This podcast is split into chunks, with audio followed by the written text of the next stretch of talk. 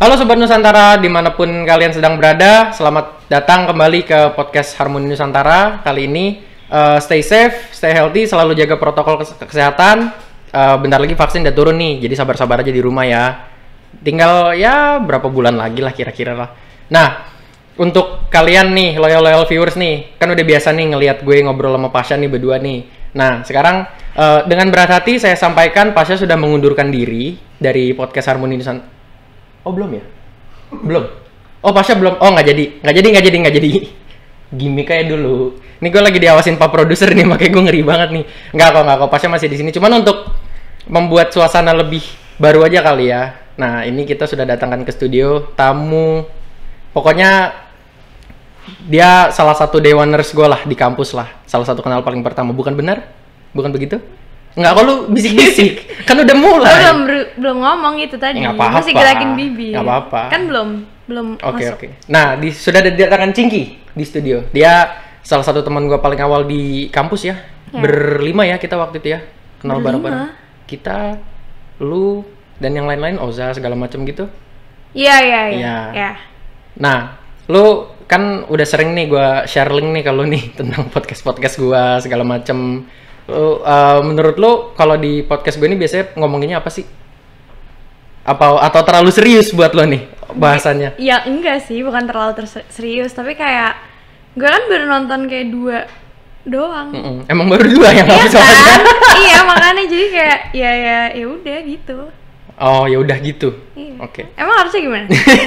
nah eh, jadi di podcast Harmoni Nusantara ini biasanya sih kalau gue sama teman-teman gue atau mungkin sama eh, salah host gue yang satu lagi ngomongin tentang soal budaya Nusantara yang kita punya di Indonesia dan itu biasanya ber berkesinambung, berkesinambungan dengan multikultur dengan plural- pluralisme karena kan kita tahu kan di Indonesia kan apa ya eh, kita banyak lima pulau besar tapi kan pulau-pulau kecil juga banyak budayanya banyak eh, agama juga bukan cuman Islam juga bukan cuman Kristen di Indonesia gitu loh. Jadi kita lebih meng-highlight apa ya keragaman budaya yang kita punya di sini.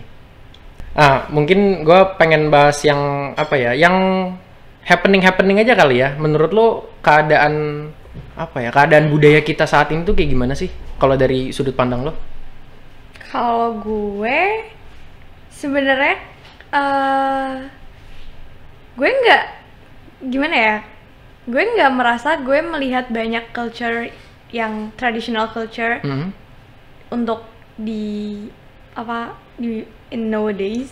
oke di Jadi- di hari-hari sekarang ya Iya, jadi kayak itu tuh ya ya itu berusaha untuk dilestarikan. Tapi menurut gue gue nggak sering lihat dibanding gue waktu masih kecil. Oh, oke. Oke. Eh, tapi kan dari yang gue tahu ya, lo kan lama tinggal di Solo. Mm-mm. Nah, kalau misalkan kalau di Jakarta, kalau menurut gue pribadi pun budaya apa ya yang biasa kita kerap kita sebut budaya tradisional itu emang udah mulai jarang sih. Makin ke sini ke sini. Nah, kalau di Solo tapi masih. Masih, kalau gue di Solo tuh em, mungkin kalau in daily kayak sehari-hari itu lo nggak nggak banyak nemuin ya. Tapi kalau misalnya lo ad- eh, acara itu masih banget Hmm. kayak gitu-gitu tuh masih banget. Kalau misalnya kalau gue ngerasa ya di keluarga gue sendiri itu kayak kalau misalnya keluarga gue yang di Jakarta mereka kalau ada acara tuh nggak begitu ngikutin tradisi. Oke. Sedangkan kalau misalnya gue di Solo, gue datang acara orang segala macam, itu banyak yang masih ngikutin tradisi kayak gitu gitu. Nah, acara yang lo maksud nih kayak apa, Cing maksudnya? Kayak pas nikahan tuh, sebenarnya tuh kan kalau di Jawa nikahan tuh stepnya kan banyak tuh. ya, pakai seremoni-seremoni gitu iya, ya. itu masih ada. Cuman kalau di Jakarta tuh paling cut short gitu loh. Kayak langsung cuman Oh. dipilih banget gitu berapa-berapa kayak gitu. Emang aslinya panjang ya? Aslinya panjang. Dulu waktu gue ujian bahasa Jawa tuh gue ngapalinnya banyak tuh. Jadi gue tahu prosesnya Oh, panjang gitu. Berarti Ada yang apa-apa-apa kalau gitu. gue sering datang-datang ke apa acara resepsi kawinan terus yang kayak pakai adat Jawa itu itu bukan bukan apa bukan upacara fullnya. Masih lebih panjang lagi? ada lagi. Oh alah. Ya, gue nggak tahu lo datangnya ke acara yang kayak gimana. Mungkin sebenarnya iya. udah, tapi kayak gue sih ngerasa kalau di keluarga gue nggak banyak. Hmm, biasanya sih kan yang itu, yang kalau misalkan pengantinnya di dipakein barisan gitu terus ada yang nari di depannya yang kayak gitu. Itu yang paling common lah gue liatnya lah, paling sering ya, iya. Itu tuh maksudnya kayak itu kadang masih sering di skip kan. Kayak Mm-mm. beberapa juga nggak ada kayak gitu-gitu. Banyak sih sebenarnya, cuman gue juga lupa-lupa ingat urutannya. Oh, alah. Nah itu asik tuh buat ngobrol-ngobrol tentang itu tuh. Gue nggak tahu banyak soalnya. Nah tapi kalau dari lo pribadi, lo kan lama tinggal di Solo. Tapi kalau dari cultural background lo sendiri, lo orang Solo atau bukan? Gue bokap gue tuh Padang. Mm-mm. Nyokap gue itu kayak eh, blasteran gitu kan. Tapi Uh-huh. dia emang lahirnya di Jogja. Oke. Oke, tapi kayak kakek nenek gue tuh masih ada yang darah Belanda, Mm-mm. Jepang, Mm-mm. kayak gitu. Pokoknya nyampur gitu nggak jelas keluarga nyokap gue tuh agak nyampur gitu deh pokoknya. Es campur ya, rame Iya, ya. Nono nah. nano. Eh, Lanano. nyebut merek gue. tapi eh, nyokap gue itu mostly kayak dia ambil western culture. oh, oke. Mirip. Oke. Karena kayak dia tuh menurut gue ya, kalau menurut gue ngelihatnya pola pikir nyokap gue itu lebih ngarah ke western. Mm-mm. bokap gue juga Padang. Mm-mm. Jadi walaupun gue tinggal di Solo, Hmm. di Jawa, kultur Jawa, itu kultur Jawanya tuh nggak begitu kerasa di Ah, rumah gue. Kayak gitu. Jadi eh, apa ya? eh, ini sorry ya kalau misalkan bahasa gue salah atau gimana, tapi nyokap lu tidak terlalu mau atau tidak terlalu memilih in touch dengan budaya yang nyokap lu dapat atau gimana? Kalau culture sih kita kayak diajarin kan di sekolah. Mm-mm. Kalau secara materi itu kita paham. Tapi untuk secara prakteknya Oh, iya, enggak iya. gitu. Penerapan sehari-harinya ya mungkin. Oh, beda oke. gitu rasanya. Nah, berangkat dari kasus nyokap lo tadi yang bisa kita bilang kurang in touch dengan eh, budayanya, menurut lo nih, eh, dan ini sebetulnya pertanyaan juga bisa gue layangkan ke diri gue sendiri sih kalau lo yang nanya, budaya itu, eh, culture ya, untuk kita kita nih, eh, millennials, millennials dan Gen Z nih, penting nggak sih? Gue dulu waktu SMA, waktu mendapat pertanyaan yang sama, gue jawab kayak ya penting kali gitu kan. Tapi kayak gue nggak mendapat kayak maksudnya kayak jawaban gue tuh masih kali kan. Kalau Hmm. sekarang gue bisa bilang kayak itu mungkin nggak nggak mungkin sih. Menurut gue itu penting karena Hmm. gini uh, budaya lo tuh part of your identity gak sih? Iya, betul. Dan itu yang menurut gue yang kayak ya kalau lo nggak ada budaya identitas lo dari mana? Iya, bener. Itu yang Bener menurut gue sih. kayak ya itu Iya. Mm-mm. Tapi pentingnya budaya. kalau tapi ya, ngomongin- enggak, ya? enggak, tapi gini. Tapi gini identitas gue eh, gue merasa kayak gitu karena gue kan identitas gue nggak jelas nih karena gue nyampur Mm-mm. nih. Iya, Ya iya, kan? Jadi iya. gue nggak bisa bilang budaya gue tuh yang mana gitu loh. ah, Kayak gue nggak tahu tuh yang mana. mm-mm.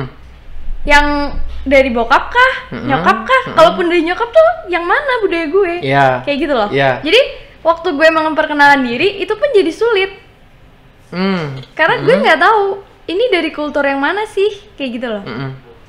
Nah, tapi menurut gua kalau misalkan kita ngomongin budaya sebagai identitas, penting untuk tahu eh, maksudnya kalau lu punya culture background datang dari mana, itu penting. Mhm. Tapi eh kalau misalkan kayak lu nih, kan lu mau bilang yang dari bokap dari Padang tapi yang mana atau enggak yang nyokap yang mana? Toh pertama kali gua ketemu sama lu juga gue ngira lu orang Jawa. Iya. Ya orang Jawa nih, taunya bukan. Dan itu ke ke Well- ke apa ya? Ke budayaan Jawanya itu nempel di lu mungkin karena lu udah lama tinggal di Solo kali ya. Iya. Jadi lu menyerap dari situ. Nah, tapi penting emang punya identitas budaya. Eh cuma menurut gua nggak nggak harus dipermasalahkan sebegitu jauh nggak sih, Cing? Maksud gua paling enggak lu masih bisa punya identitas kebudayaan yang yang yang unik bisa dibilang kayak gitu. Jadi misalkan nih lu dilihat orang Jawa karena lu lama tinggal di Solo kan, tapi lu tidak ada keturunan Jawa, ya you just you just roll with it aja gitu loh. Kayak jalanin aja. Ya kalau misalnya emang orang mau ngeliat lu sebagai orang Jawa ya, that's fine. At least kita masih punya identity. Justru malah itu yang itu yang mendingan daripada orang-orang yang lu keturunan mana sih? Nggak tahu. Gue mau ngikut aja ya bokap gue. Ya gue orang Indonesia gitu loh. Tapi kan di dalam Indonesia sendiri kan kalau kita kerucutkan lebih dalam kan budayanya juga banyak gitu loh. Tadi kan lu sempet nyebut ini tuh apa namanya eh, orang yang eh bukan nyebut juga sih, tapi maksudnya kalau misalkan lu pribadi tapi lu tidak merasa tersesat kan dalam dalam dalam artian kebudayaan lo. Maksudnya lu nggak lu nggak bingung tapi nggak merasa apakah lu pernah merasa bingung lu mau milih yang mana? Enggak, karena menurut gue gue nggak harus milih. Nah, jadi nah itu dia. Tapi itu masih mendingan cing. Nah, gue pengen nanya nih sama lo, menurut lo orang yang tidak bukan tidak memiliki identitas, cuman bahasanya apa ya? Nggak nggak aware lah dengan cultural backgroundnya dia. Dia datang dia datang dari keluarga yang keturunan apa. Itu menurut lu bahaya nggak sih? Orang yang sebuta itu loh sama sama sama budayanya mereka. Bahaya tuh sebenarnya enggak nggak sih? Kalau lo bilang teknikal Mm-mm. bahaya tuh mungkin enggak, tapi kayak menurut gue entahlah, maksudnya kayak lo hidup di suatu negara, di suatu masyarakat yang pasti itu punya culture gitu. Masa Yeah. lo nggak tahu tentang itu? nah Kan you're part of that community kan, gitu loh. ke ke apa ya bukan teledur juga sih bahasanya. Apa ya? Dia terlalu terlalu terlalu ya udah gitu loh sama budaya yang dia punya. Padahal kalau kita lihat di konteks Indonesia sendiri kan budaya kan banyak gitu loh. Jadi kayak sayang aja kalau lu nggak belajar eh, mempelajari Iya. keturunan lo kayak gimana. Nah tapi kalau menurut gue cing itu bahaya. Karena Why? ketika lo tidak memiliki iden- identitas kebudayaan kan eh, ini kan era digital nih ya globalisasi dan segala macam gitu ya pasti antar negara dan antar bangsa itu kan bertukar budaya tuh ya kan? Yang ini masuk ke sini yang ini keluar ke sana segala macam. Nah bahayanya itu adalah ketika dia nggak punya dia tidak meng apa ya tidak punya landasan yang kokoh ya untuk kalau kita ngomongin identitas budayanya dia kan dia kan masih mending kalau misalkan emang dia bilang oh ya udah gue nggak mau kasarnya gue nggak mau berbudaya gitu loh. Gue orang Indonesia aja. Gue bukan nggak mau dibilang orang Jawa nggak mau dibilang orang Minang segala macam. Tapi lebih bahayanya lagi kalau misalkan dia nggak tahu nih budayanya dia kayak gimana. Jadi kan dia nggak punya nggak punya apa ya kasar nggak punya senderan gitu loh budayanya dia apa. Nah kalau misalkan ada budaya asing yang masuk bisa banget kan itu dianut sama dia. Jadi apa ya kalau kita dalam bahasa sekolahnya tuh bahasanya westernisasi. Iya. yang apalah orang-orang pakai mulai celana jeans dengerin musik pop segala macem. Tapi yang serem itu adalah kalau westernisasi menurut gua itu tidak harmful.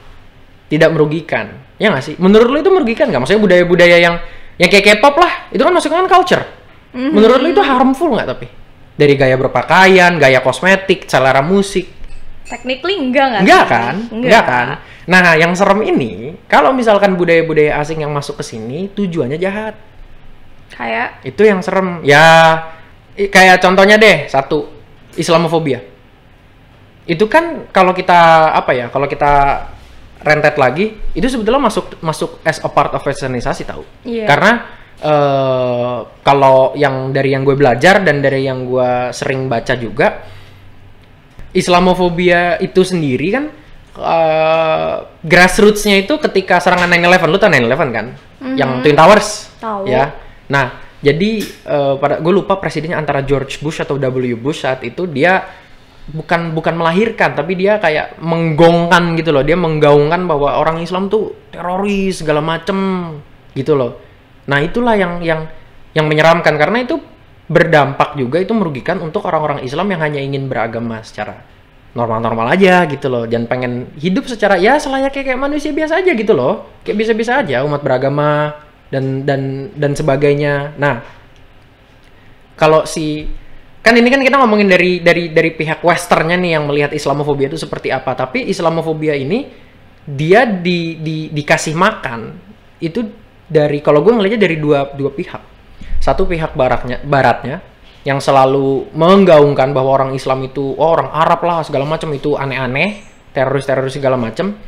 Dan si pelakunya sendiri pelakunya dalam artian si terorisnya sendiri. Karena paham-paham yang mereka kasih paham-paham yang mereka tanemin yang mereka ajarin ke orang-orang itu tidak serta merta lu duduk di sebuah pengajian toto lu kasih senjata tembak ini tembak itu. Enggak mereka nggak kayak gitu. Mereka nanaminnya tuh apa ya cantik. Mainnya tuh cantik halus gitu loh. Jadi awalnya berga- berawal dari gaya hidup lifestyle. Sekarang kayak contoh ini gue tidak tidak me- menyinggung siapa pun ya di sini tapi kayak contoh sekarang yang yang lagi hype hype nya nih di Indonesia nih di kalangan kita kita nih milenial hijrah. Dalam penyebaran paham mereka nih di strateginya mereka itu mereka ada apa ya bahasanya kayak soft selling gitulah. Jadi halus masuknya lempeng. Jadi yang dimasukin sebetulnya salah. Itu salah yang dimasukin. Secara secara secara religius salah secara kemanusiaan pun salah norma salah tapi kemasannya cakep jadi diterimanya gampang masuk enak gitu nah kayak contohnya yang lagi rame di kalangan kita itu kayak hijrah gue tidak menyalahkan orang yang hijrah ya kalau lu seandainya mau pakai siapa mau pakai jilbab atau misalkan mulai rajin sholat lah atau ngaji power to you itu bagus justru malah tapi atas dasar apa nih Gitu loh. Lu mau hijrahnya kenapa nih? Karena emang lu mau atau karena emang itu yang diajarin itu yang bener dan lu kerasa terpaksa karena itu. Kayak gitu. Nah, tapi kan kalau kayak hijrah, kita berangkat dari hijrah sendiri, itu kan lifestyle. Ya kan? Itu gaya hidup. Nah, yang kayak gini-gini nih, yang akar itu dari lifestyle, lifestyle, lifestyle, mereka mulai tertarik, mereka oh ngerasa kayak apa ya? Kasar kayak oh masuk surga lah gitu loh. Aman lah gue alim lah gitu loh. Mulai tertarik balik lagi ke pengajian-pengajian pengajian barulah tuh di pengajian kesekian kali ini dimasukin yang yang apa ya? Kampanye-kampanye benci pemerintah. Ya kan? Kampanye-kampanye benci saudara beda agama, padahal masih saudara semanusia loh. Ya kan? Mulailah dimasukin yang kayak gitu-gitu. Terus dari situ berubahlah dari lifestyle menjadi sebuah paham menjadi sebuah ideologi. Nah barulah tuh kalau udah sampai poin ke situ baru tuh lu dikasih pisau lu tusuk tuh orang yang nggak sholat tusuk uh, kalau misalkan kita ngomongin ke arah situ ya mengenai radikalisme dan dan milenial dan lifestyle ini sedikit insight nih buat lu nih. Kan kita masih mahasiswa kan dan mahasiswi. Mereka target mereka itu gimana mereka di mana mereka bisa tumbuh subur dan melakukan soft selling yang tadi gue sebut itu itu di kampus. Itu Kok yang bisa? itu yang serem. Nah sekarang gue uh, ada data keluarannya BNPT Badan Nasional uh, Penanggulangan Teroris. Nom kampus pertama yang exposure atau paparan terhadap uh, paham-paham radikal dan ekstremis itu paling besar kasarnya terkontaminasi lah.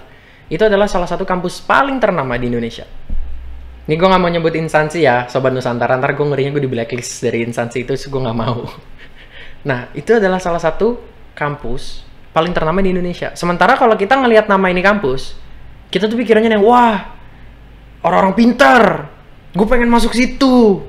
Uh, apa namanya, edukasinya bagus. Tapi tanpa kita ketahui, ada data satu lagi yang menjelaskan bahwa ya itu paparan dan penyebaran paham radikalis dan ekstremis itu besar tumbuh besar di situ.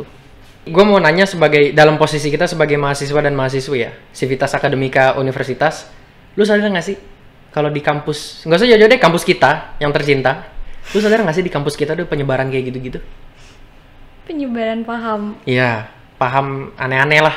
Jujur gue shock tadi pas lo bilang yang kayak, oh ini tuh salah satu kayak tempat paling banyak receive exposure gitu. Itu Uh-huh. gue yang kayak demi apa?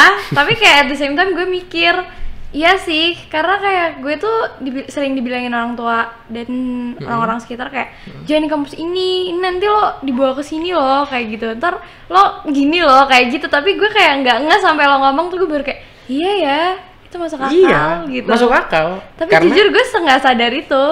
Kalau gue sih kalau kalau untuk perkembangan di kampus kita ya, kampus kita tercinta, gue dibilang aware tuh enggak, tapi gue tau lah reputasinya kayak apa.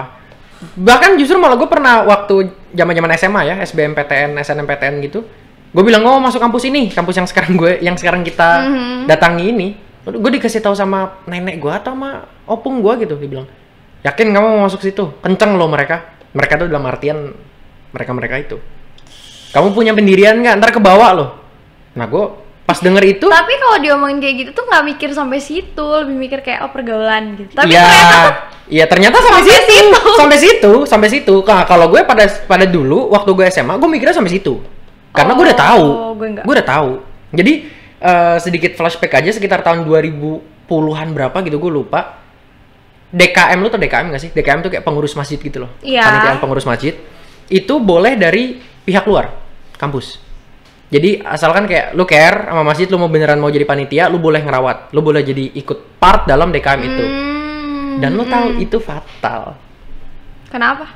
karena Oh jadi jadi apa jadi pada masuk iya gampang ya. bener banget dengan dengan mereka mengeluarkan eh, apa bukan peraturan tapi kayak option kayak gitu itu filternya dibuka itu yang jelek-jelek Oh, nggak ada masuk filternya semua. itu nggak ada filternya itu unfilter itu baru bangun tidur deh Iya. hashtag no filter Iya ya. nggak ada filternya masuk semua awalnya mah baik-baik awalnya baik-baik ngerawat masjid segala macam segala macam segala macam tapi kok mulai mulai khawatirkan tahu. mulai Iya worry iya, iya, to iya, the iya. point salah satu fakultas sudah menjamur iya Maksudnya menjamur? menjamur dalam artian ya apa ya ini bahasa kasarnya ya bahasa simpelnya itu senternya penyebaran paham itu fakultas Fakultas loh, bukan jurusan.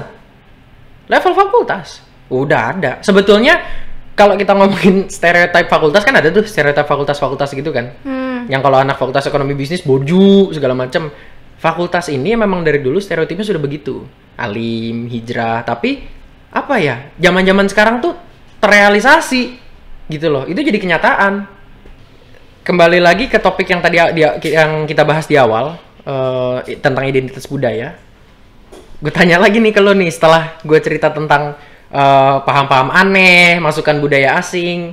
Bahaya nggak kalau orang nggak punya identitas budaya, nggak kenal dengan identitas budayanya dia dan dia menyerahkan diri gue bodo amat lah gue identitas gue yang mana bahaya nggak Bahaya. bahaya emang bahaya bahayanya karena ini Tapi em, maksudnya bahaya tuh kalau di pikiran gue ya, Hmm. itu kayak jadinya lo nggak ada pegangan gitu loh. oh pegangan budaya pegangan iya. kultur Terus ya jadi kayak lo nerima aja, ya, yang ya. dikasih. nah gitu. tapi itu itu yang terjadi kan Iya, makanya lu, kayak lu lost touch dengan background culture lo masuk yang kayak gini-gini dan lo terima padahal paham-paham yang kayak gini itu yang namanya toleransi itu nggak ada nggak ada kata di kamus mereka toleransi apa itu toleransi mereka intoleran sangat intoleran hanya mereka mereka aja yang mereka gaungkan padahal kita di pancasila sendiri ya kan? Dan kita sebagai orang Indonesia berbudaya banyak toleransi itu harus top harus nomor satu. Itu harus kita pentingin gitu loh. Nah karena dia out of touch sama budayanya kan dia nggak terlalu tahu nih kayak kalau misalkan eh, apa kayak kita millennials millennials yang out of touch dengan background culture mereka ya itu yang tadi lo bilang serta merta nerima serta merta masuk. Karena mereka nggak terlalu paham paham banget toleransi itu apaan sih segala macam. Jadi mereka ambil ambil aja yang tahu gue masuk surga pola pikirnya itu pendek. Yang penting surga surga surga aja. Padahal kan ya masa lu sebagai manusia tidak ada interaksi sosial? Kan kita makhluk sosial. Harus ada interaksi satu sama lain dong. Nah paham-paham ini tuh apa ya? Gue bilangnya itu mencederai hak asasi manusia. Karena mereka sudah mulai membolehkan malah bukan membolehkan lagi mengharuskan dan dalam bahasa agama Islam menghalalkan. Membunuh itu yang serem tuh. Padahal gila gua nggak usah nyampe bunuh deh gue suruh maki-maki orang aja kalau gue coba lu maki-maki tuh orang tuh kenapa emang? Ya udah lu maki-maki aja gue belum tentu mau. Ini lagi lu suruh bunuh. Itu tinggi itu apa namanya bebannya itu. Dan tapi itu makanya itu yang serem. Ting- bebannya tinggi ya kan? Kita mikirnya mesti berulang kali kan kalau kita disuruh di- minta disuruh bunuh orang kan? Tapi mereka mereka yang sudah terinfeksi ini nggak pakai pikir dua kali nggak pakai pikir panjang yang penting gua masuk surga. Yang penting gua nggak masuk neraka. Duar. Itu nah ngomong-ngomong duar kan eh, kita kan baru-baru ini kan ada beberapa serangan kan yang terjadi kan di eh, bangsa kita ini. Yang pertama di Makassar yang bom depan gereja ya. Lu tahu kan yang itu kan? Yang pemboman bunuh diri depan gereja sama yang penyerangan Mabes Polri. Nah yang pemboman gereja ini kan dua orang gue pengen nanya nih sama lo lu tahu nggak dua orang itu ternyata suami istri si pelaku itu nggak tahu Nggak. Ah, oke lu tahu nggak kalau dua orang ini masih kelahiran tahun 90 90 tengahan 95 atau 90 berapa gitu berarti statusnya masih mahasiswa dong harusnya ya kan Iya, masih masuk millennials ya kan iya. oke berarti lu nggak tahu ya sebelumnya ya Enggak. Nah, dan lo tahu nggak? Ini lo sebagai eh, seorang perempuan nih ya, si istrinya di saat dia mendetonasi itu bom lagi hamil 4 bulan. Tahu nggak lo informasi itu? Itu semuanya available available untuk dicari kok. Tahu lu sih kalau yang kayak pas lagi hamil ternyata. Ah, sekarang apa ya perspektif lo nih sebagai perempuan? Nah, kalau kita ngomongin yang Mabes Polri, kan itu yang Makassar tuh yang bangun bunuh diri, yang Mabes Polri, pelakunya lu pelakunya itu kan yang tertangkap di CCTV satu orang. Lu tahu kan itu perempuan kan karena dia eh, jelas-jelas menggunakan hijab, kayak rok panjang segala macam.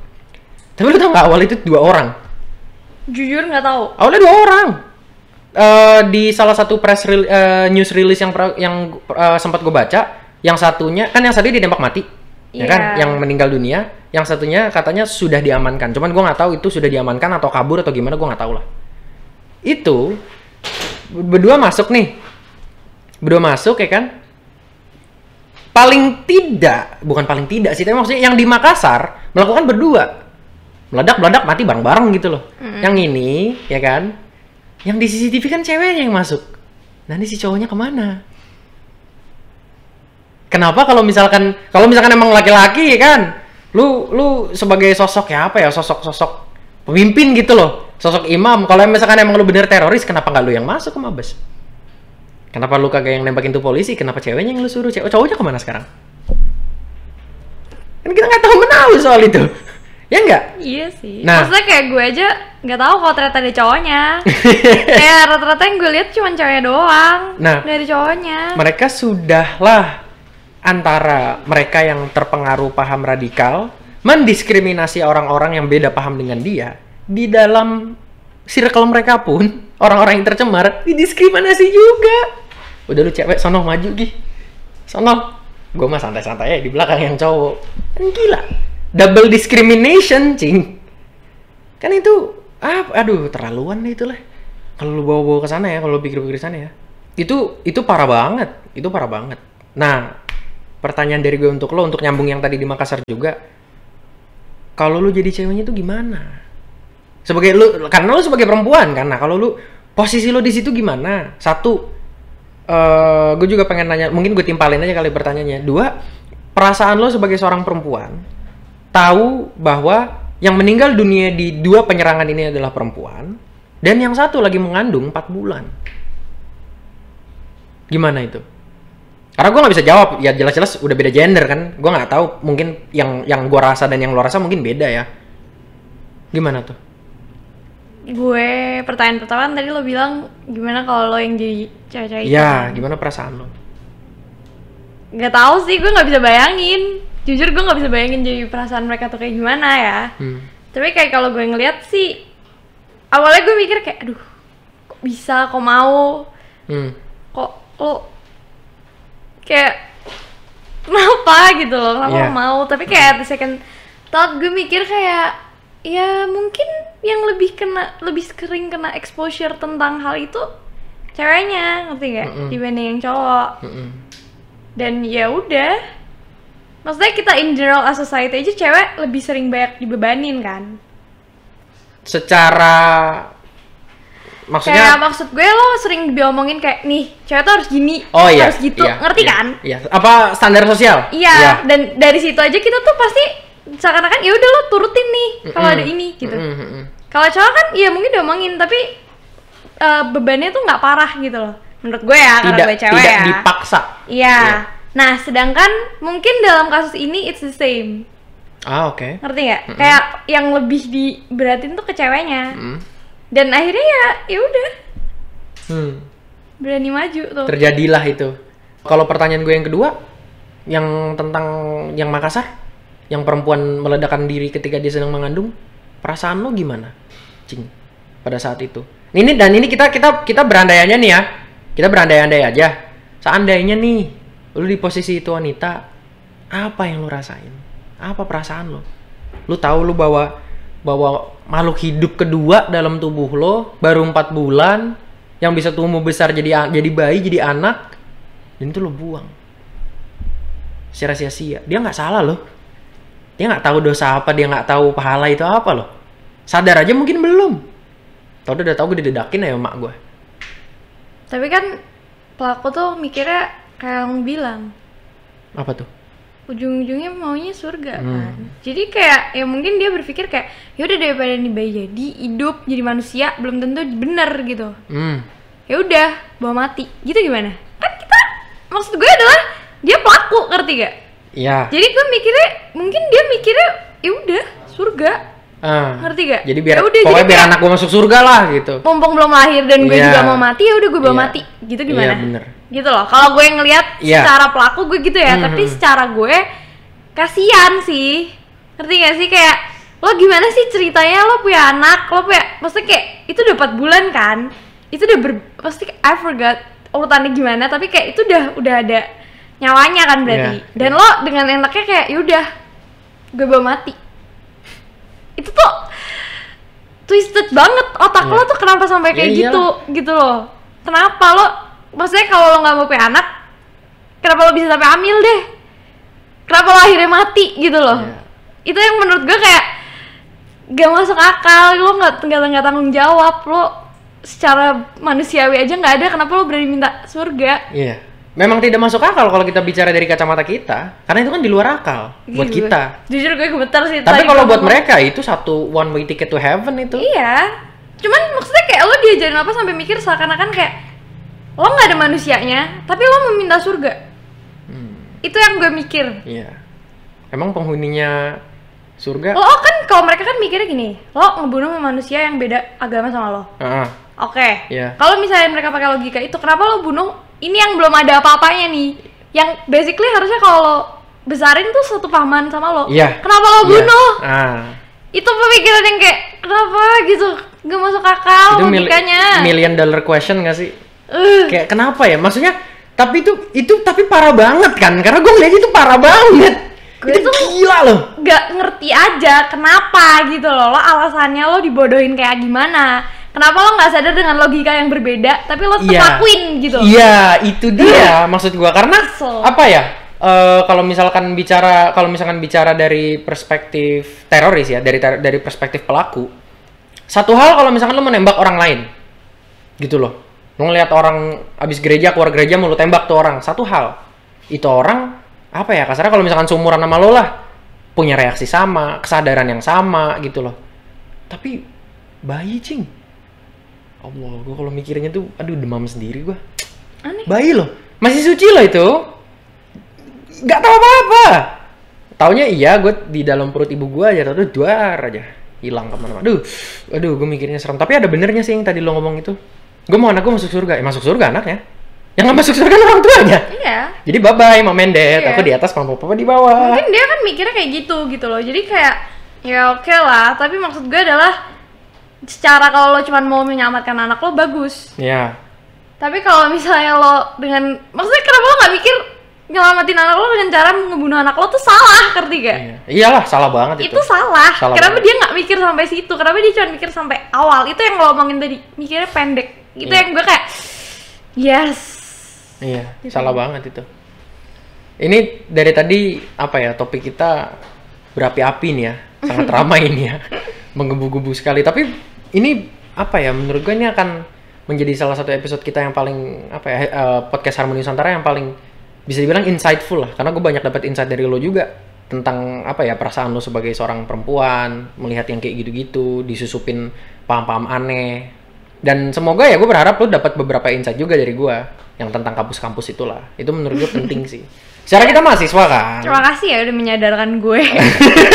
Terima kasih. oh dulu belum sadar Gue belum sadar kalau selama ini gue ada di untung lo nggak ketarik ke sana cing cing I don't think it's possible. nggak ada yang impossible buat mereka mereka Iya sih, sejujurnya iya ya. kasusnya itu ibu hamil disuruh ngeledakin diri mau apa yang impossible buat mereka Makasih sih udah menyadarkan gue. Oh, ya, iya. Wow. Mereka tuh wah S3 marketing lah tuh, tuh teroris-teroris tuh. Jualannya keren banget, soft selling segala macem. Tapi menurut gue segitu aja kali ya obrolan kita kali ini ya. Mungkin di episode berikut-berikutnya kita bisa eh, extend topik ini atau mungkin kita bicara topik yang lain-lain. Atau mungkin nah lu mesti kenalan nih. Nih Pak produser, kita mesti ada episode nih bareng berempat gitu kali ya. Bareng eh, apa partner gue Pasha, sobat beda server Mario di episode kita yang kemarin. Ada kemarin nanti lu tonton deh itu seru tuh orangnya sama lu. Ini kayaknya asik nih kalau kita campur berempat nih ngobrolnya nih.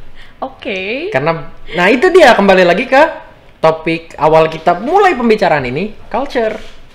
Berbeda-beda culture, berbeda-beda pemahaman. Asik tuh kalau dicampur tuh jadi satu tuh. Oke? Oke. Terima kasih banyak, Cing. Udah mau main-main ke studio. Eh, terima kasih juga udah mau tukeran-tukeran eh, apa ya, insight lah, tukeran paham sama gue. Eh, terima kasih juga untuk sobat Nusantara yang sudah nonton dan dengerin.